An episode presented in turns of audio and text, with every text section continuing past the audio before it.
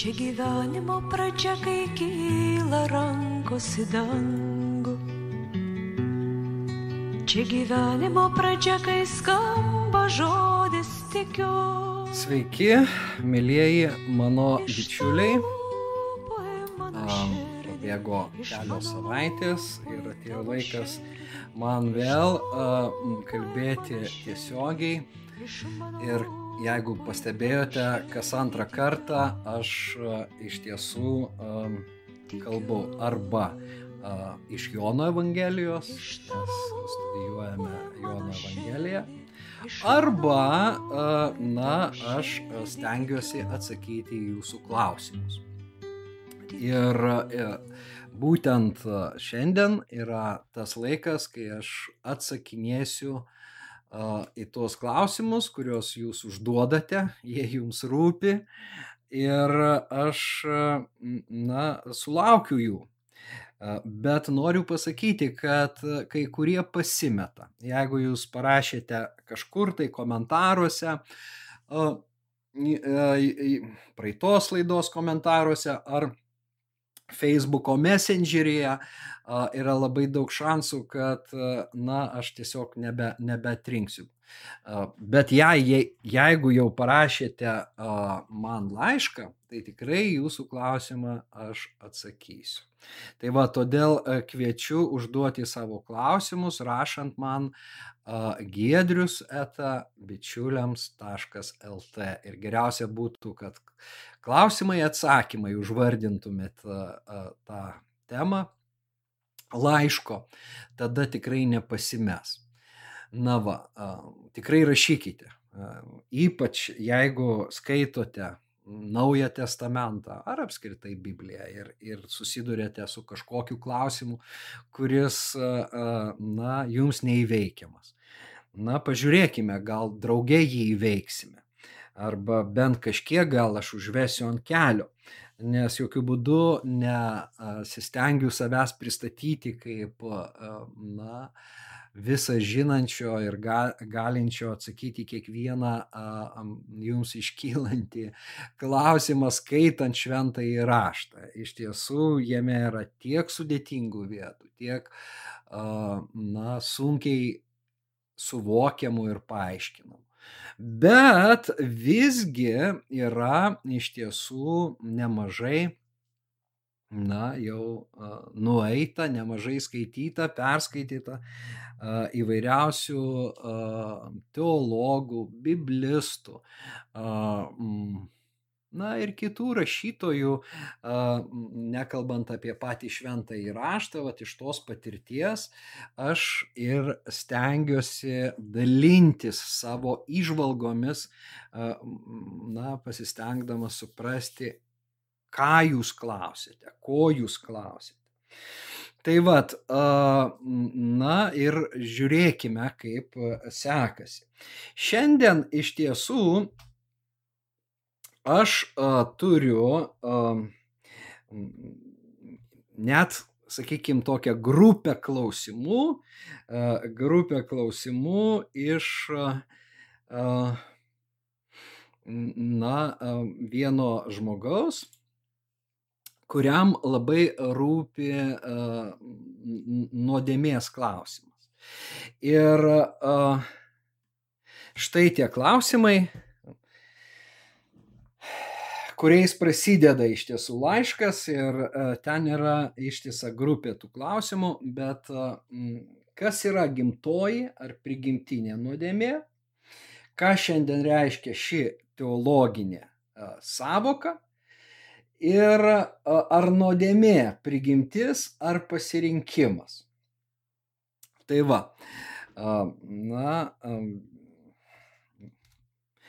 Pasistengsime mes atsakyti šitą klausimą, bet visų pirma pasižiūrėkime tą rašto vietą, į kurią atsiriame užduoti klausimai, nes na, laiške iš tiesų yra citata iš laiško romiečiams, Pauliaus laiško romiečiams.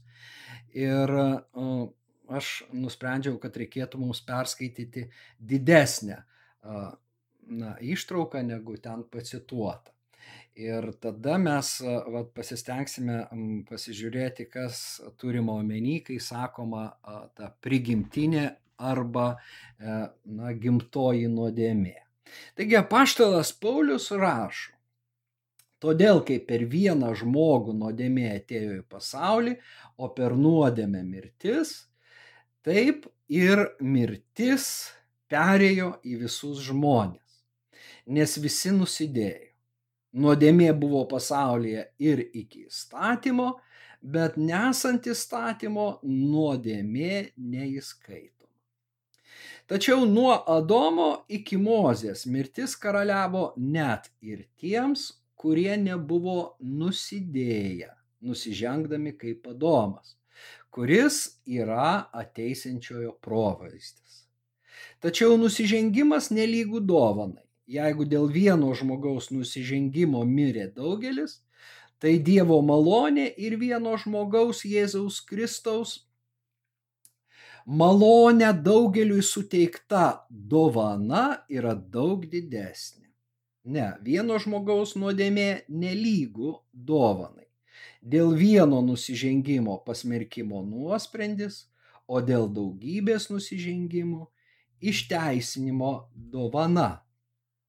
Jeigu mirtis įsikaraliavo dėl vieno žmogaus, vieno jo nusižengimo, tai juo labiau dėl vieno Jėzaus Kristaus gyvenime karaliaus tie, kurie gausiai gauna malonės ir išteisinimų dovaną. Taigi, kaip per vieną nusižengimą visiems žmonėms pasmerkimas, taip ir per vieną teisingą veiksmą visiems žmonėms išteisinimas ir gyvenimas. Kaip vieno žmogaus neklusnumu daugelis tapo nusidėliais, taip ir vieno paklusnumu daugelis taps teisėjaisiais. O įstatymas įsiterpė tam, kad nusižengimas taptų didesnis. Tačiau kur padaugėjo nuodėmės, ten dar labiau pagausėjo malonės. Įdant, kaip nuodėmė karaliavo neždama mirti, taip ir malonė karaliautų išteisindama amžinajam gyvenimui per Jėzų Kristų mūsų viešpatį. Na, aš iš tiesų čia užvardyju kaip nuodėmės pradžia, skaitydamas šitą ištrauką ir nuodėmės univer, universalumas, nes mes šiek tiek sužinome na, apie nuodėmės šaknis, skaitydami, štai šitą a, vietą. Bet iš karto noriu pasakyti, kad mes dabar, a, na, prieš save turime labai rimtą ir platų a, tiek Biblijos, tiek teologinį klausimą kas yra nuodėmė. Nors klausiama, kaip suprasti, kas turima omenyje, kai sakoma prigimtinė nuodėmė arba gimtoji nuodėmė.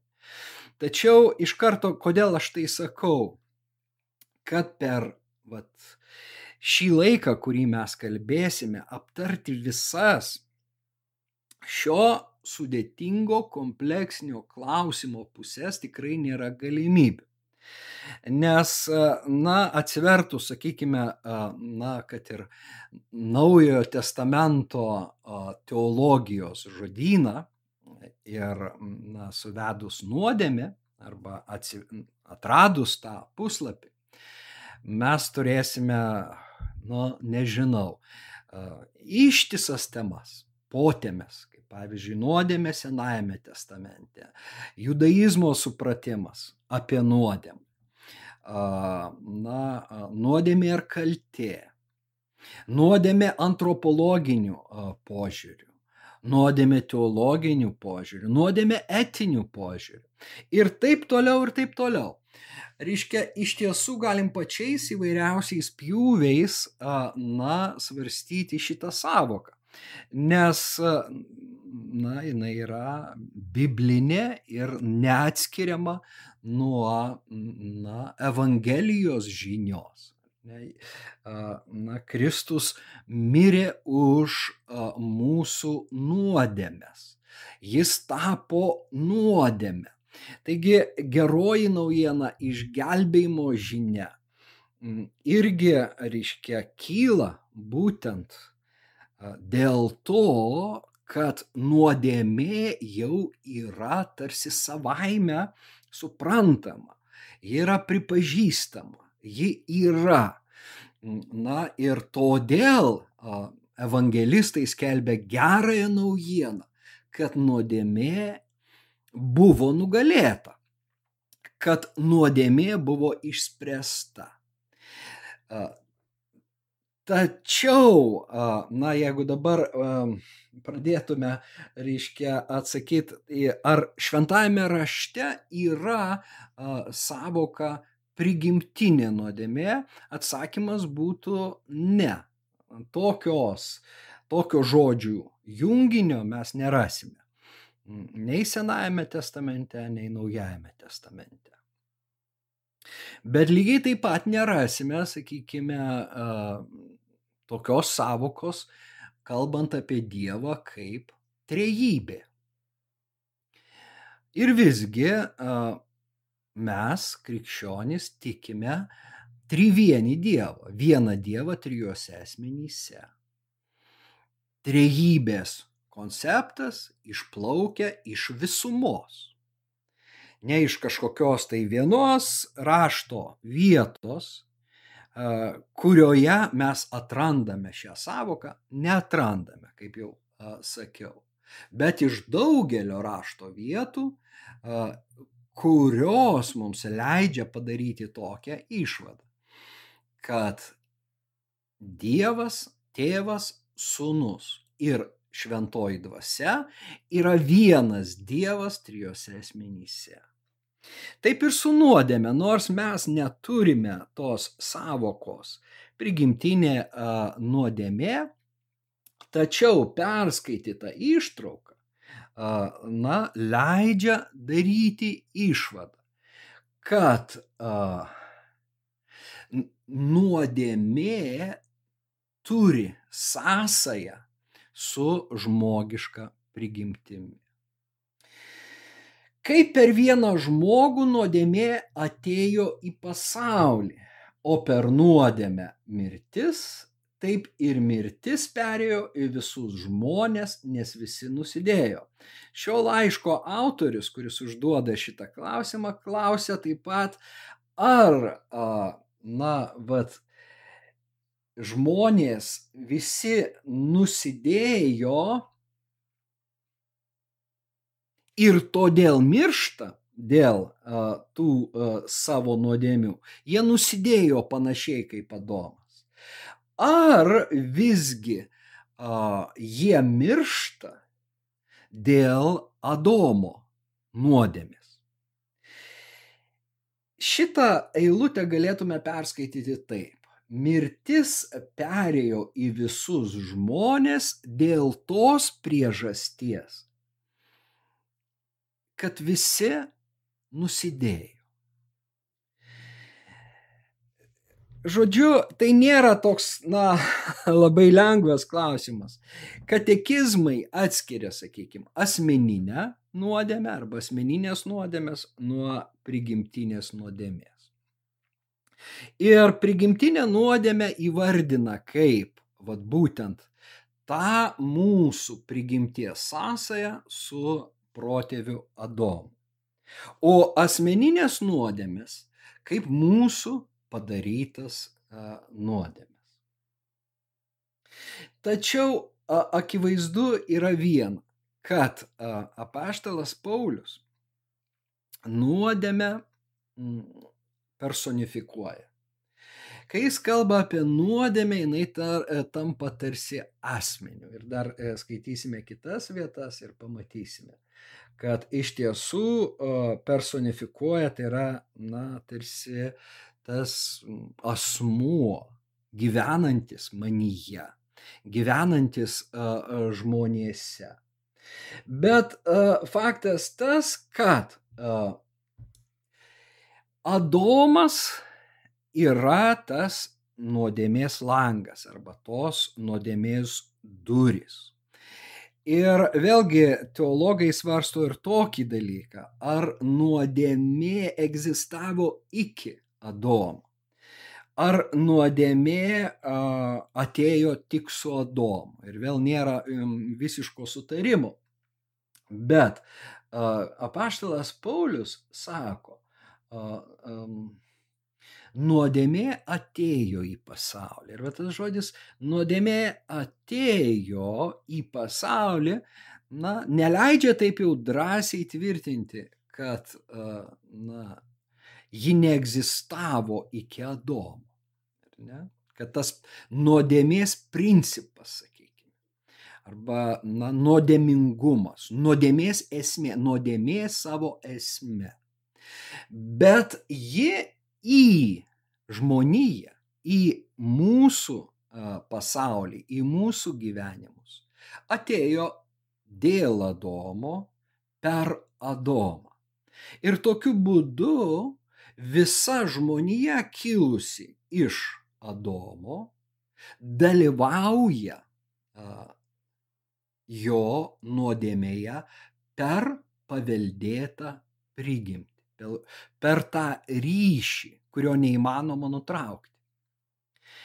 Mes niekaip, reiškia, kaip šakos, kurios auga ant medžio, na, yra maitinamos tų pačių šaknų.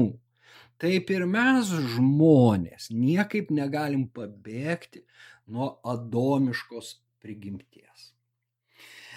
Štai kodėl apaštalas gali pasakyti, kad mes esame nuodėmės valdžioje. Mes esame nuodėmės pavergti. Kodėl? Todėl, kad ją, na, siurbėme, ji ateina iš mūsų protėvių. Apaštalas Petras sako, iš protėvių paveldėto gyvenimo būdo. Yra toksai vat, pasakymas. Žodžiu, bet pirmasis protėvis yra Adomas, todėl Paulius, na, žiūrėdamas į žmoniją, mato Adomą kaip mūsų visų tėvą. Ir mes niekaip, reiškia, negalim nu, nukirsti tų ryšių su juo.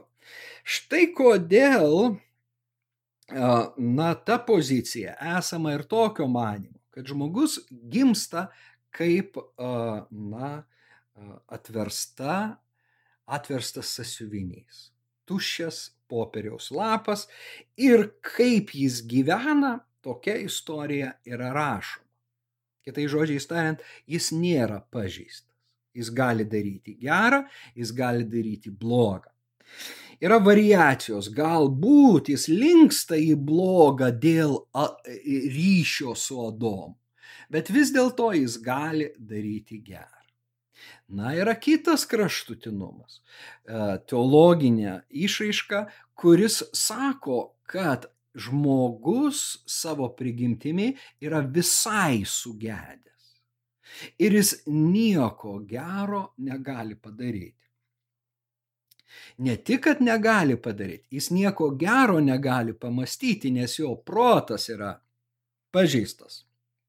Ir žmogus, na, net norėti gero negali. Yra visiškas, nuod, e, reiškia, nuodėmės suluošintas žmogus ir, na, tas terminas visiškas sugėdimas prigimties arba žmogaus prigimties visiškas sugėdimas. Štai va šitos skirtingos teologinės pozicijos formavo ir konfesinės dogmatikas, kurios skiriasi. Ir tarkim, net jeigu ir paviršutiniškai jūs pamėgintumėt pasigilinti šiandien, tarkime, į stačiatikių, na, teologiją šiuo klausimu, į Romos katalikų, na ir, tarkime, evangelikų, kaip pavyzdžiui, reformatų, kalvinistų ar liuteronų, mes pamatytume, kad bendro sutarimo šito klausimu nėra. Paprasčiausiai, nors regis yra viena Biblija ir vienas šventas raštas yra tie patys tekstai, tačiau labai skiriasi na, interpretacijos. Ir aš nemanau, kad dabar mums reikėtų leistis į vat, tuos na, konfesinius skirtumus. Bet, na, galim tik būtų pasakyti, kad stačiatikiai labiau kalba apie nuodėmės padarinius. Tai kokie, na, buvo nuodėmės padariniai. Romos katalikų pozicija šituo klausimu, sakyčiau, yra, na, subalansuota jinai iš tiesų nepasiduoda nei į kairę, nei į dešinę. Taip, kad kalbama apie sąsają, prigimties sąsają su Adomu nuodėmėje, bet sykiu pabrėžiama, kad žmogus nėra tiek sugedęs, kad, na, reiškia, jame nebūtų visai nieko gero. Na ir čia aš galėčiau, nors mes neskaitėme, atsiversti kitą vietą iš laiško romiečiams ir paimti, pavyzdžiui, sąžinės klausimą.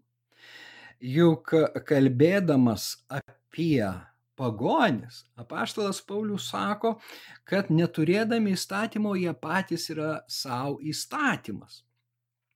Ir tokiu būdu uh, mm, klausydami, jo tokia mintis yra, klausydami savo sąžinės, jie įvykdo uh, įstatymo reikalavimus.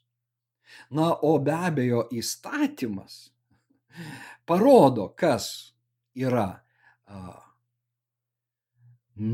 kas yra šventa, teisinga, gera ir kas yra nuodėminga. Kas yra nusižengimas įstatymui, tam, kas gera.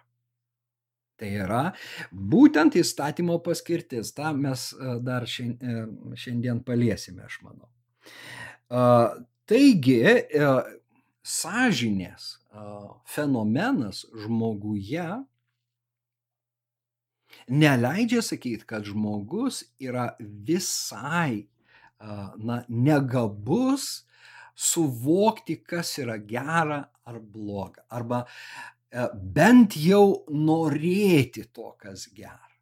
Reiškia, na tas Dievo atvaizdas žmoguje nėra tiek ištrintas, tiek už na, galim sakyti, užkerpėjęs, pelėsiais apaugęs ar, ar sunaikintas visai, kad žmogus, na, net vadovaudamasis tik savo prigimtim, kurioje yra ir sąžinė, negalėtų atskirti e, gėrio nuo blogio. Taip kad apaštalas Paulius viena vertus jis kalba apie apie nuodėmės galę. Ir tą aš tuoj parodysiu. E, nuodėmės galę visiems žmonėms. Ir žmogaus bejėgiškumą išsilaisvinti iš nuodėmės. Tačiau tai jau yra kraštutinumas žiūrėti į žmogų kaip sugedusi tiek, kad jisai absoliučiai negabus suvokti, kas yra teisu, teisinga, šventa ir panašiai. Be abejo, tie autoriai, ir čia reikėtų paminėti tiek Martyną Liuterį, tiek Joną Kalviną, Na, o ypač jų mokiniai, na, tą vat prigimties sugėdimą pabrėžė norėdami išaukštinti Dievo malonę. Nes jeigu žmogus yra toks puolęs ir toks sugedęs, tai koks šlovingas tampa Jėzaus darbas ir kokia didė jo malonė, kuri ištraukia tą bejėgį žmogų iš jo padėties. Tačiau aš, na, žiūrėdamas į vat, šitą vaizdą, manau, kad laikas krikščionėms nebesididžiuoti savo skirtumais, net ir teologiniais, konfesiniais, ir nerodyti tuos išskirtinumus. Na, tarkim, kodėl, va, reiškia, mes aiškinam kitaip negu katalikai. Aš tai kodėl, va, stačiatikiai dar kitaip negu a, a, Romos katalikai. Ir, a, na, atėjo laikas iš tiesų sutarti pagrindiniuose dalykuose.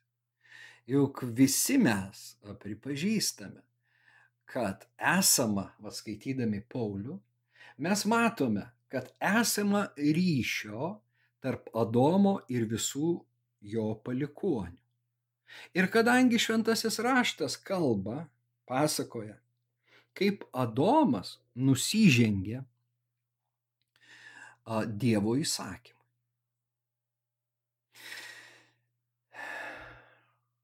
Ir tas nusižengimas atskyrė jį, jo vaikus, visų pirma, jo šeimą, po to tolimesnius palikonis nuo Dievo sferos, Edeno.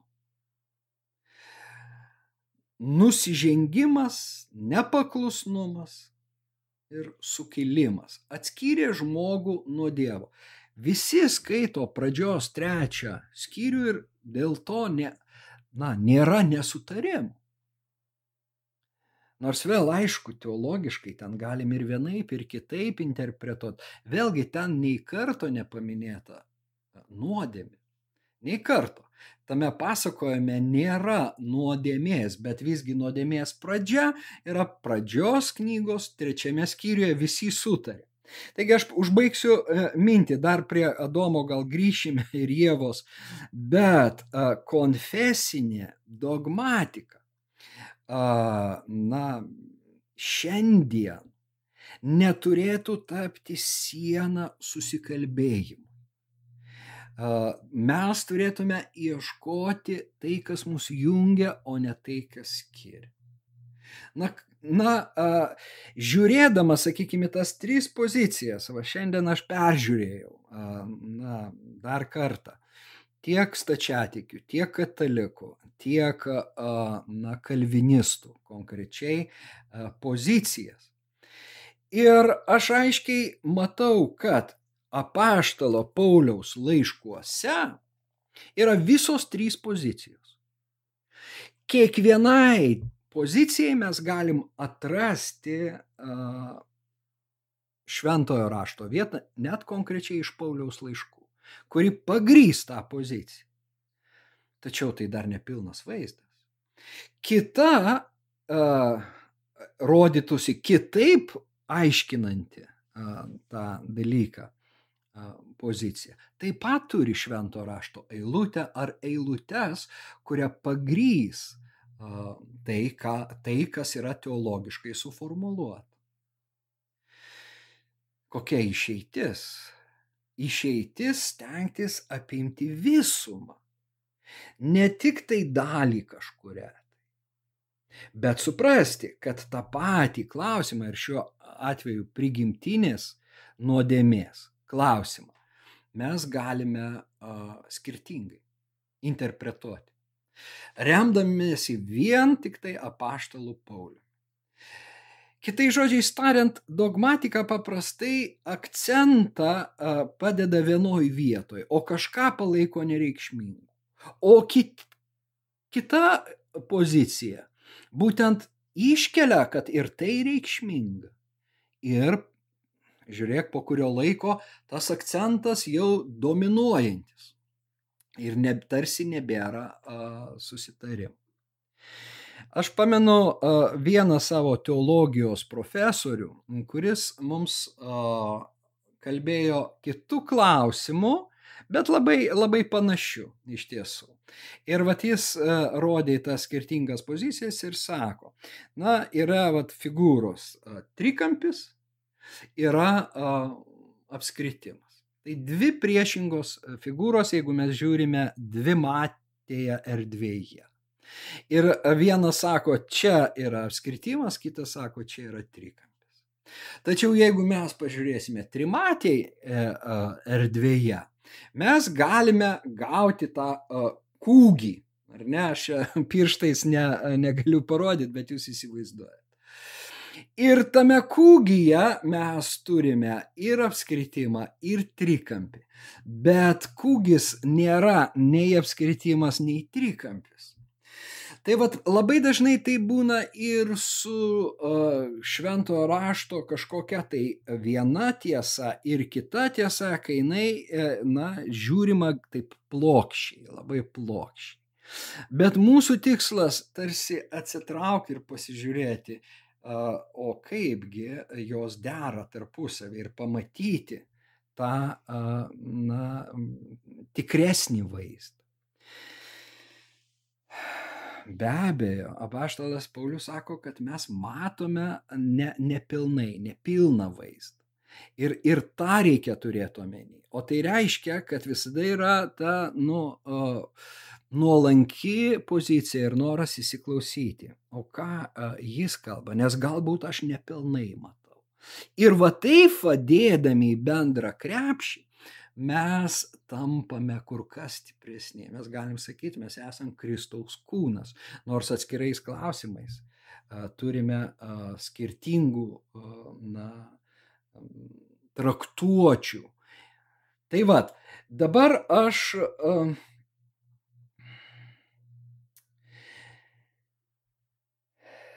grįžtų prie a, Pauliaus ir, a, na, akivaizdu, kad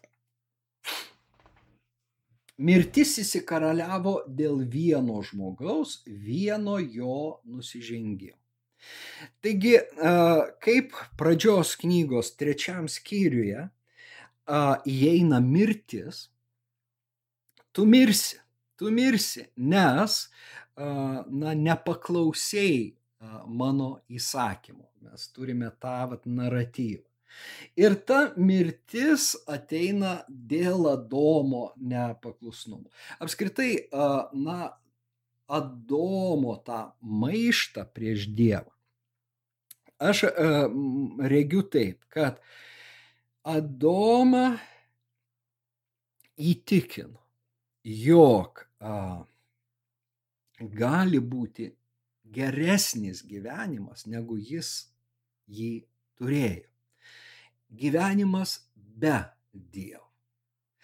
Tai vad, ta gyvatės, tas gyvatės pasiūlytas melas jūs tapsite patys kaip dievai, pažindami ir gerą, ir blogą, sužavėjo žmogų.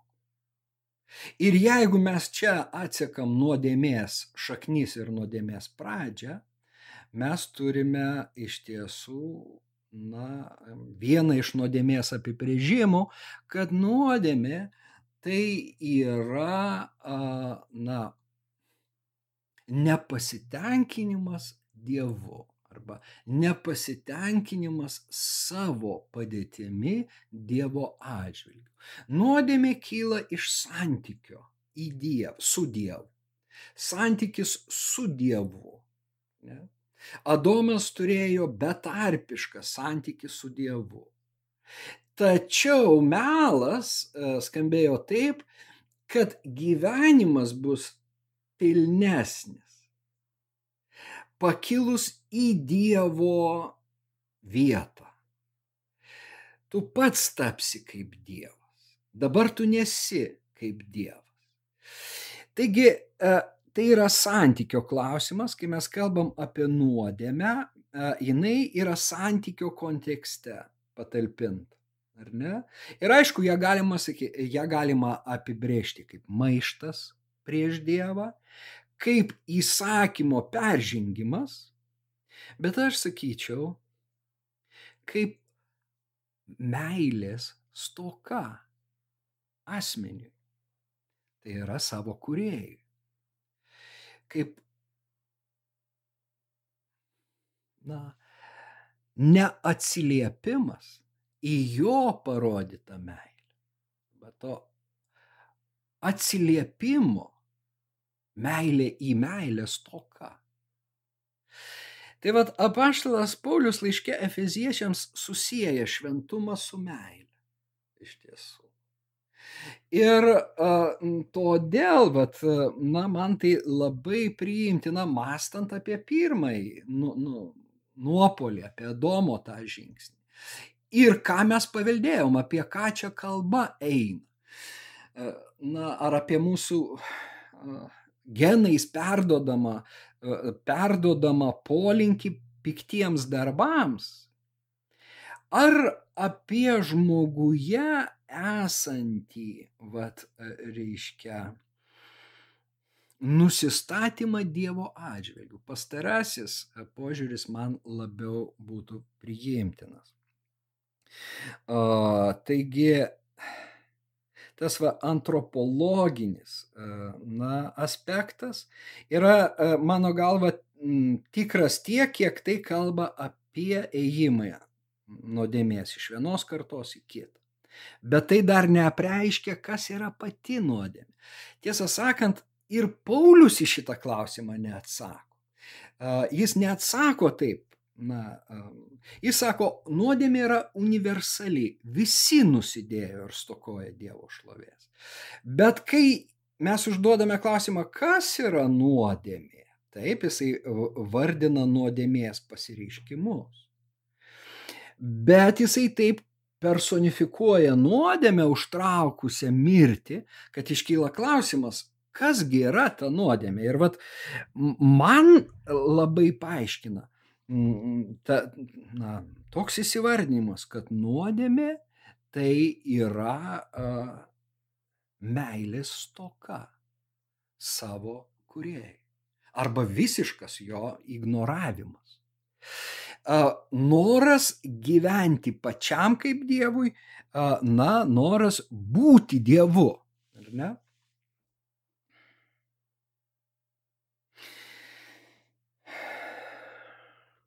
Iš tokio santykio Dievo atžvilgių kyla, na, ir įvairiausi pikti darbai, blogi darbai. Gerai, paskaitome dabar apie nuodėmės galę. Juk mes žinome, kad įstatymas yra dvasinis, o aš esu kūniškas, parduotas nuodėmės galio. Mat nesuprantu, ką darau Ko noriu, to nedarau, o ko nekenčiu, darau. O jei darau tai, ko nenoriu, sutinku, kad įstatymas geras. Taigi, judėjams, jeigu mes užduodam klausimą, kas yra nuodėmė, nuodėmė yra įstatymo peržengimas. Toks atsakymas yra. Nori būti šventas, vykdyk įstatymo reikalavimus, įsakymus. Ir kuo labiau juos įvykdysi, tuo šventesnis tapsi. Tačiau apaštalas Paulius, puikiai išmanydamas judaizmo tiek tradicinio, tiek savo laiko teologiją, jis ją atmeta.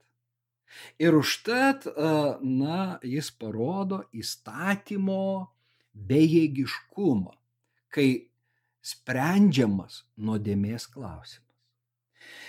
Ir va šitoje šviesoje iškyla ta nuodėmės gale. Nuodėmės gale žmogui ir nuodėmės gale judėjui besilaikančiam įstatymo jau konkrečiai. Ne, nes yra žmogus, kuris nesilaiko jokio to, toros įsakymo ar ne? Bet, kaip aš minėjau, jis vis tiek negali pa, pabėgti nuo savo sąžinės įsakymų. Vat kur labai įdomus dalykas. Kad tą, tą mini torą arba tą dekalogą Dievas įrašė į kiekvieno žmogaus sąžinį. Na, bet paskaitykime. Aš esu parduotas nuodėmės galę. Ir darau tai, ko nekenčiu, o jei darau tai, ko nenoriu, sutinku, kad įstatymas geras.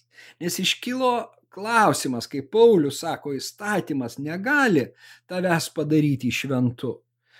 Na, gal įstatymas yra nuodėmė. Jis sako, ne, įstatymas nėra nuodėmė. Bet įstatymas pažadina nuodėmės, tuoj perskaitysime. Tačiau tuomet ne aš tai darau, bet manie gyvenanti nuodė. Žinau, kad manie tai yra mano kūnė, negyvena tai, kas gera. Norėti noriu, bet padaryti gero negaliu. Nedarau gerą, nors ir noriu, bet darau blogą, nors ir nenoriu. O jei aš darau, ko nenoriu, nebe aš tai darau, bet manyje gyvenanti nuodėmė. Taigi Paulius čia atskiria, reiškia, tą nuodėmę nuo manojo aš. Aš ir nuodėmė yra du skirtingi dalykai. Ir a, nuodėmė yra stipresnė už mane, už manąjį aš, už tikrąjį aš. Ir a, todėl jis sako, aš esu parduotas nuodėmės galion. Kas mane pardavė, galim sakyti, na, jisai jau tą mm, paaiškino ankstesnėme skyriuje, kad na, nuodėmė atėjo per vieną žmogų. Bet visgi šitos eilutės parodo, kad troškimas pas tą pavergtą žmogų gero yra. Ir kai jisai skaito, sakykime, dekalogą, kai jis skaito na, Dievo įsakymus, jis suvokia, kad taip kaip ragina Dievas mąstyti, gyventi, elgtis yra gerai. Bet kai jis bando taip gyventi, jai yra nuoširdus. Jis pamato, kad neišeina jam taip padaryti, nes jėga jį valdanti nuodėmės gale padiktuoja visai ką kitą.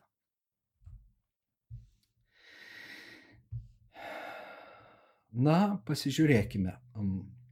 Kadaise aš buvau gyvas be įstatymų, bet atėjus įsakymui pradėjo gyventi nuodėmė.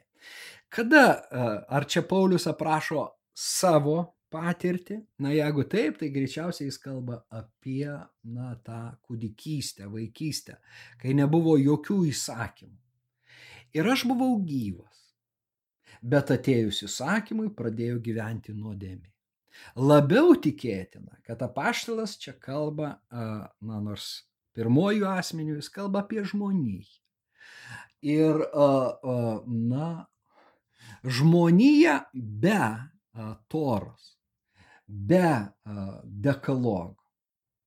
Ir ta žmonija buvo gyva be įstatymų. Bet kai atėjo įstatymas per mozę, pradėjo gyventi nuodėmė. Ir jį numarino, o aš numeriu.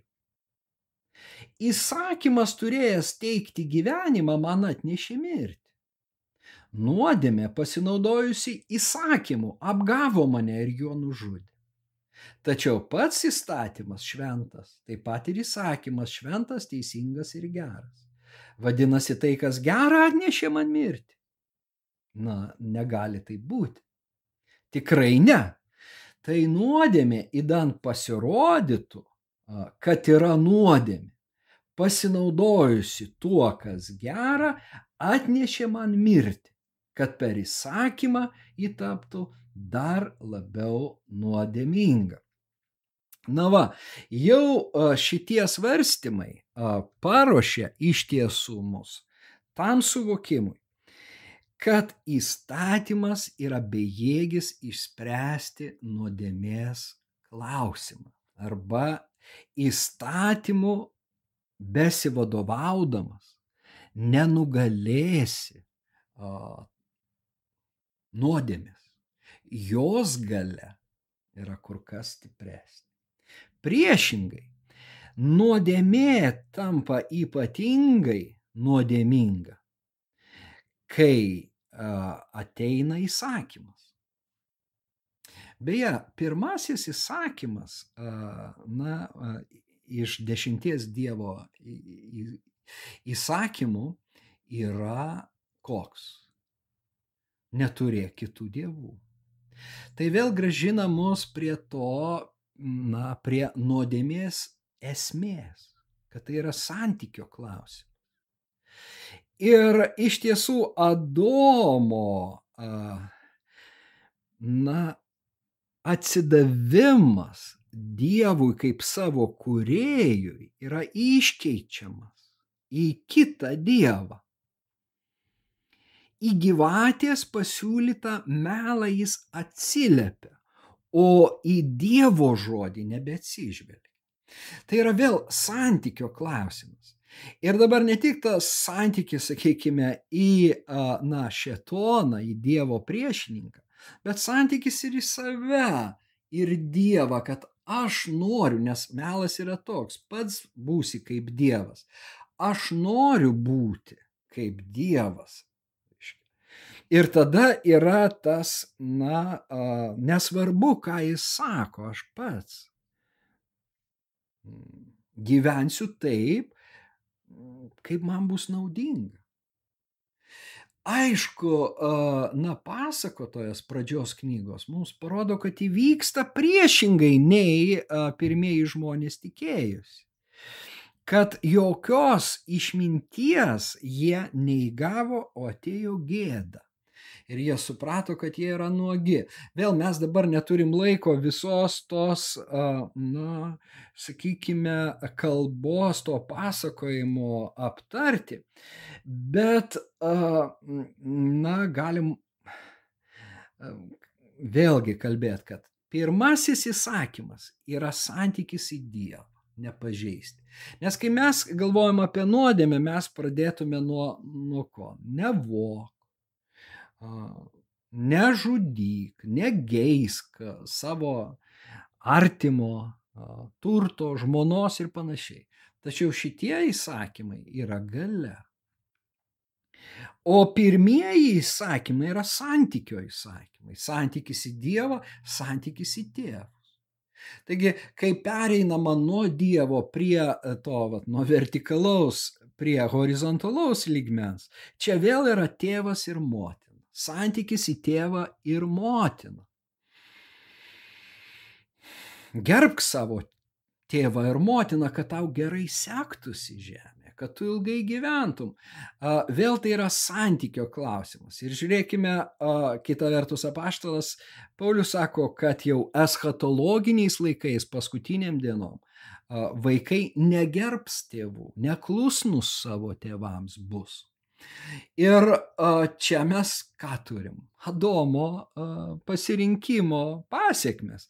Adomas neklauso savo dangiško tėvo, savo sukūrėjo, vaikai neklauso savo žemiškų tėvų. Ne? Ir visi mes esame ir vaikai, ir tėvai.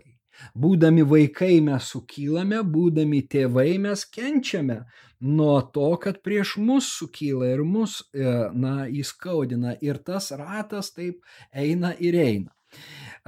Todėl aš raginčiau daugiau mąstyti, kai mes kalbam apie nuodėmę, visų pirma apie santykius, apie santykį o ne apie darbus. Bet įsakymai pavyzdžiui, na, negeisk, iššaukia geisumus.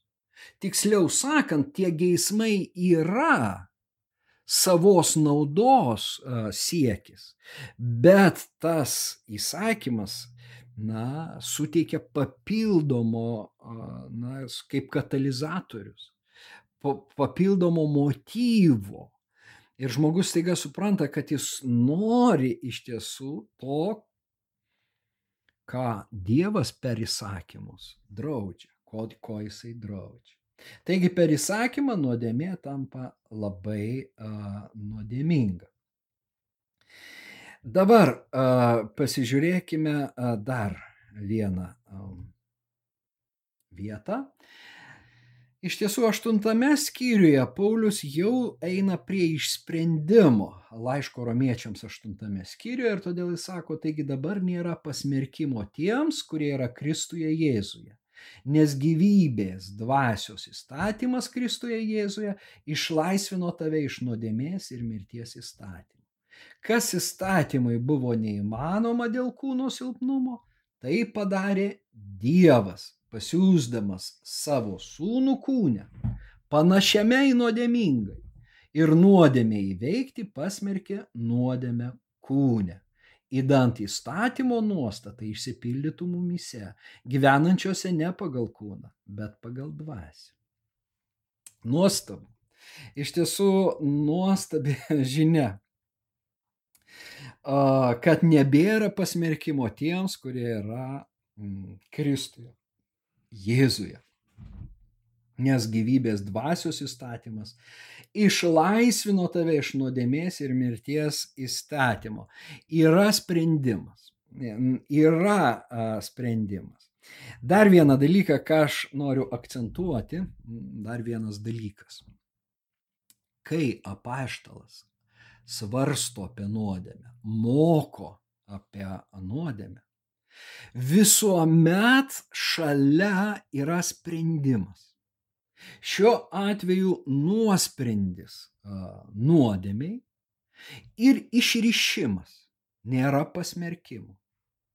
Nes šiaip, kai kalbama apie nuodėmę, na ir ypač Senajame testamente, gali susidaryti vaizdas, kad nuodėmė iššaukia rūstybę, tas principas toks, tai kas neteisinga iššaukia Dievo rūstybę. Ir ten sustojama, reiškia, sustojama, na, nuodėmė, teismas, rūstybė, mirtis. Tačiau, kai Naujo testamento autoriai kalba apie nuodėmę, čia pat yra išeitis. Niekuomet nesustojam. Net ir po to, jeigu kalbame ne tik apie, na, apskritai tą jau žmogaus vedimą prie Dievo per Jėzų Kristų, bet ir krikščionių gyvenimą. Na, tarkime,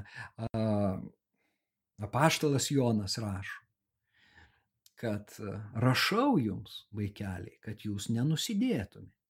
Tačiau jei kas nusidėjo, jei kas nusideda, nepamirškite, kad mes turime advokatą pas Dievą, turime užtarėją Jėzų Kristų. Jūs matot, yra sprendimas. Niekada žmogus nepaliekamas va toj, reiškia, pasmerkimo vietoj.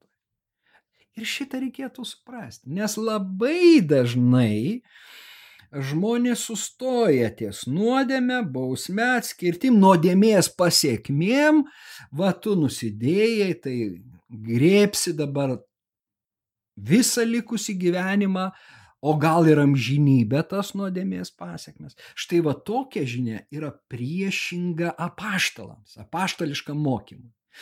Naujo testamento dvasiai. Naujo testamento dvasia yra va šitame sakinyje atsispindi. Dabar nėra pasmerkimo tiems, kurie yra Kristuje Jėzuje. Ar tai reiškia, kad jie nebenusideda? Jokių būdų. Tai nereiškia ir yra ne vienoj vietoj. Tai minima ir faktas, kad skatinama gyventi šventai, be nuodėmės. Tačiau net nusidėjus, net nusidėjus. Jokūbas sako, mes visi dažnai nusižengiame. Kas nenusižengia liežuviu, kalba, tas yra tobulas žmogus. Todėl, na, va čia yra labai svarbu, mano gal, kad kai mes kalbam apie nuodėmę, na ir net tą prigimtinę nuodėmę. Pažiūrėkime, Adomas Ryšyje su Adomu mes ją paveldėjom, bet ryšyje su Jėzumi mes jos netekom, mes buvom perkeisti. Jėzus prikalė ant kryžiaus mūsų skolų raštą laiškas kolosiečiams. Jis prismėgė, prikalė mus kaltinantį skolų raštą. Graikiškas žodis ten yra būtent tas, na, ranka rašytas kaip ir vekselis. Aš skolingas Dievui. Tai taip yra su uh, va, dešimt Dievo įsakymų ir kitais įsakymais kad kiek žmogus besistengtų vykdyti įsakymus, kurie reikalauja šventumo, jis nusidės ir nusidės ir nusidės ir nusidės. Jam niekaip nepavyks iš to, todėl mes jaučiamės kalti. kalti. Čia ateina tas kalties jausmas. Tačiau Jėzus tą skolos raštą ne tik tai, kad vat, tu skolingas Dievui, tai tu uh, skolingas Dievui tai, tu nepadarei šito, tu padarei tai, kas priešinga uh, jo įsakymams, tu nusižengiai. Me, uh, ir, uh, reiškia, na, iš tiesų, čia yra šetono darbas. Šetonas skaičiuoja mūsų nuodėmės ir mums jas primena. Ir nedaug dievė, kad, na, brolis pasidaro tavo nuodėmių skaičiuotojas. Na, vad tokias nuodėmės tu padarėjai prieš septynis metus. Na tai ką, die... kas, kas dabar? Na, čia mes sustojam ar ne? Klausimas koks? Tavo, mano santykis į išgelbėtoją, į užtarėją, į, į Dievą. Vat koks Adomo buvo santykis į Dievą ir koks mano santykis į Dievą. Nes šiaip nuodėmės uh, Gale pakirsta, ją pakirto Jėzus Kristus. Jis mirė už mūsų nuodėmės, jis tapo nuodėmė. Jis tarsi tas varinis žaltys iškeltas ant kryžiaus. Jis yra ta a, moters sėkla, kuri sutriuškino gyvatės galvą. Va čia yra mūsų a, tikėjimo pamatas. Ir santykis į Dievą apsprendžia iš tiesų tai, į kokią sferą mes įeiname. Ar mes gyvename pasak Pauliaus kūne, ar mes esame kūne ir maitinamės iš Adomo, ar mes esame dvasioje ir maitinamės iš Jėzaus Kristaus. Tai va tokia alternatyva. Bet žiūrėkime, dar, na, aš šitą baigiu skaityti, nes labai čia yra stipri e, ta vieta, kas įstatymui buvo neįmanoma dėl kūno silpnumo, tai padarė Dievas, pasiūsdamas savo sūnų kūnę. Kas įstatymui nebuvo įmanoma dėl kūno silpnumo, Tai padarė Dievas pasiūsdamas savo sūnų kūnę panašiame į nuodėmingai ir nuodėmiai įveikti pasmerkė nuodėmę kūnę. Viskas nuodėmiai yra nuosprendis. Nuodėmė yra pasmerkta. Ir kadangi jinai yra pasmerkta, įstatymo nuostatai siekiantis padaryti mus šventais, gali išsipildyti mūsų gyvenime, mumyse gyvenančiose ne pagal kūną, bet pagal dvasę. Gyventi pagal dvasę reiškia pereiti į kitą skaičiavimo sistemą, į pereiti į kitą mąstymą ir remtis pilnai atlikto Jėzaus Kristaus darbu. Štai, na, mano galva, čia yra patys esminiai dalykai, kuriuos mes turime įsisavinti, e, kalbėdami apie nuodėmę. Toliau tie klausimai, pavyzdžiui, ar kri, per krikštą, kai žmogus krikštiesi, nuplaunama jo prigimtinė nuodėmė, ar jo asmeninės nuodėmės. Jie yra antrailiai iš tiesų. Ir čia jau priklausys nuo konfesinio požiūrio. Nuo konfesinės dogmatikos, ką aš pradžiai galbūt ir ne visai aiškiai man pavyko tą pasakyti, stengiausi visgi pasakyti. Tai yra antrailiai klausimai. Esminiai uh, buvo būtent šitie - nuodėmės universalumas, nuodėmės uh, gale. Mes, Paulius sako, mes visi esame nuodėmės galioje. Ir visgi yra nuosprendis nuodėmiai ir todėl mums suteikta viltis, geroji naujiena, gyvenimas su Dievu per Jėzų Kristų, šventojoje dvasioje.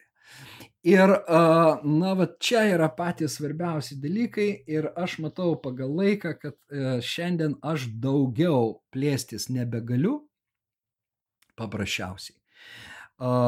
Buvo dar vienas klausimas iš tiesų apie teismą iš laiško romiečiams antros skyriaus, aš jį buvau rašęs, bet aš į jį atsakysiu jau kitą kartą klausimų atsakymų srityje. Tai va, na, nežinau, kiek jūs šiandien mm, išsiaiškinot šitą užduotą klausimą. Aš na, stengiausi, kiek galėdamas. Dar čia, na, pabaigai prie to paties buvo klausima, ar tiesa, kad dėl Adomo kalties ir kūrinyje buvo pajungta tuštybė romiečiams 8.20. Mm.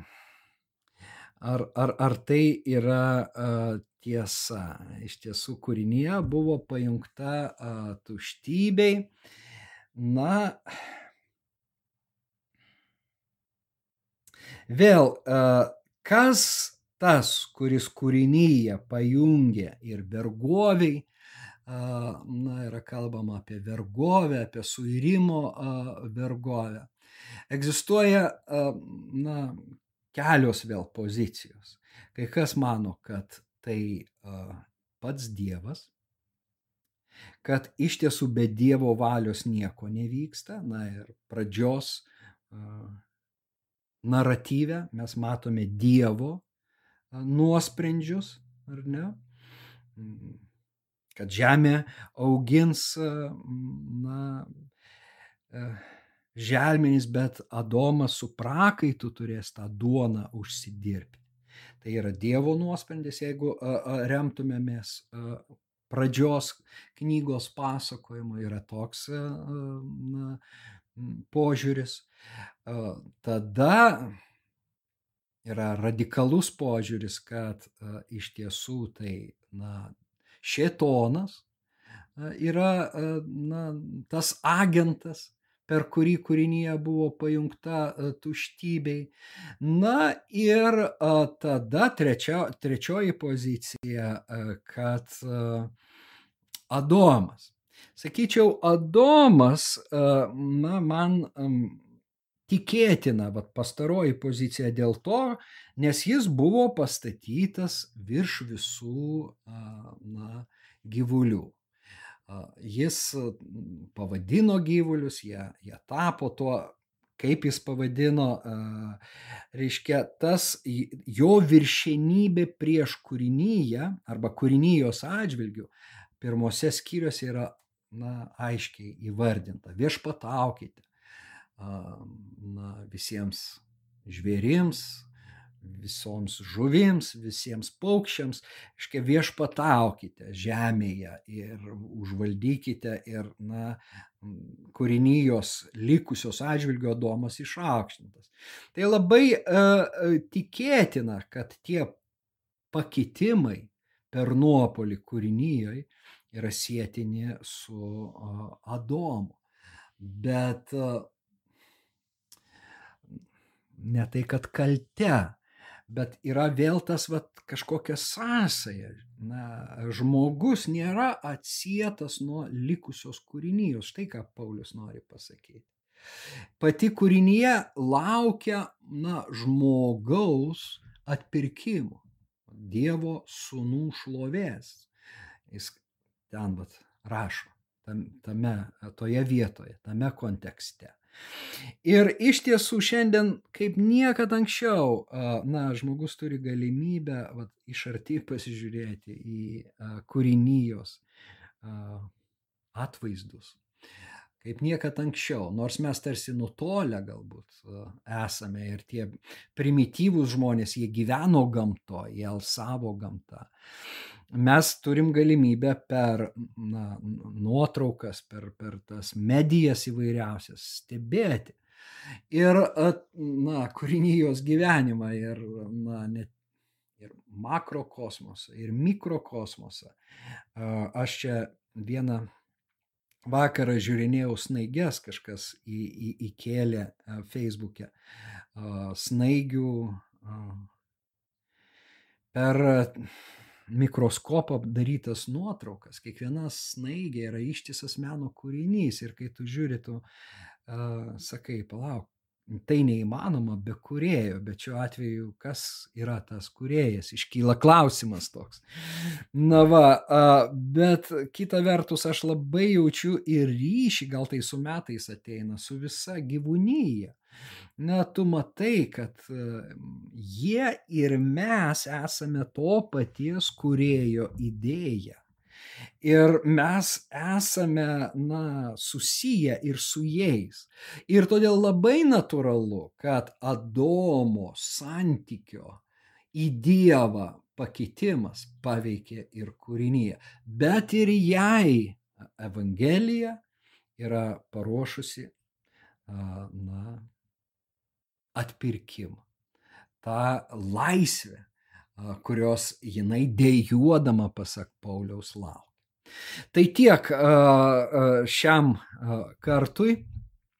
Žiūrėkite mano laidas. Iš ties aš labai tikiuosi, kad jos atliepia, kad jūs gaunate išvalgų, kurių kitoj kažkurioj vietoj negausite, todėl prenumeruokite šį kanalą. Na ir belieka palinkėti naujų apreiškimų, Dievo įžvalgų ir Dievo meilės, malonės, jo artumo visiems jums. Sudė. Iki kitų kartų. Čia gyvenimo pradžia, kai kyla rankos į dangų. Čia gyvenimo pradžia, kai skamba žodis tikiu. Iš tavo lūpų į mano širdį, iš mano lūpų į tavo širdį, iš tavo lūpų į mano širdį, iš mano lūpų į tavo širdį tikiu tikiu. Iš tavo lūpų į mano širdį, iš mano lūpų į tavo širdį tikiu. Tikiu.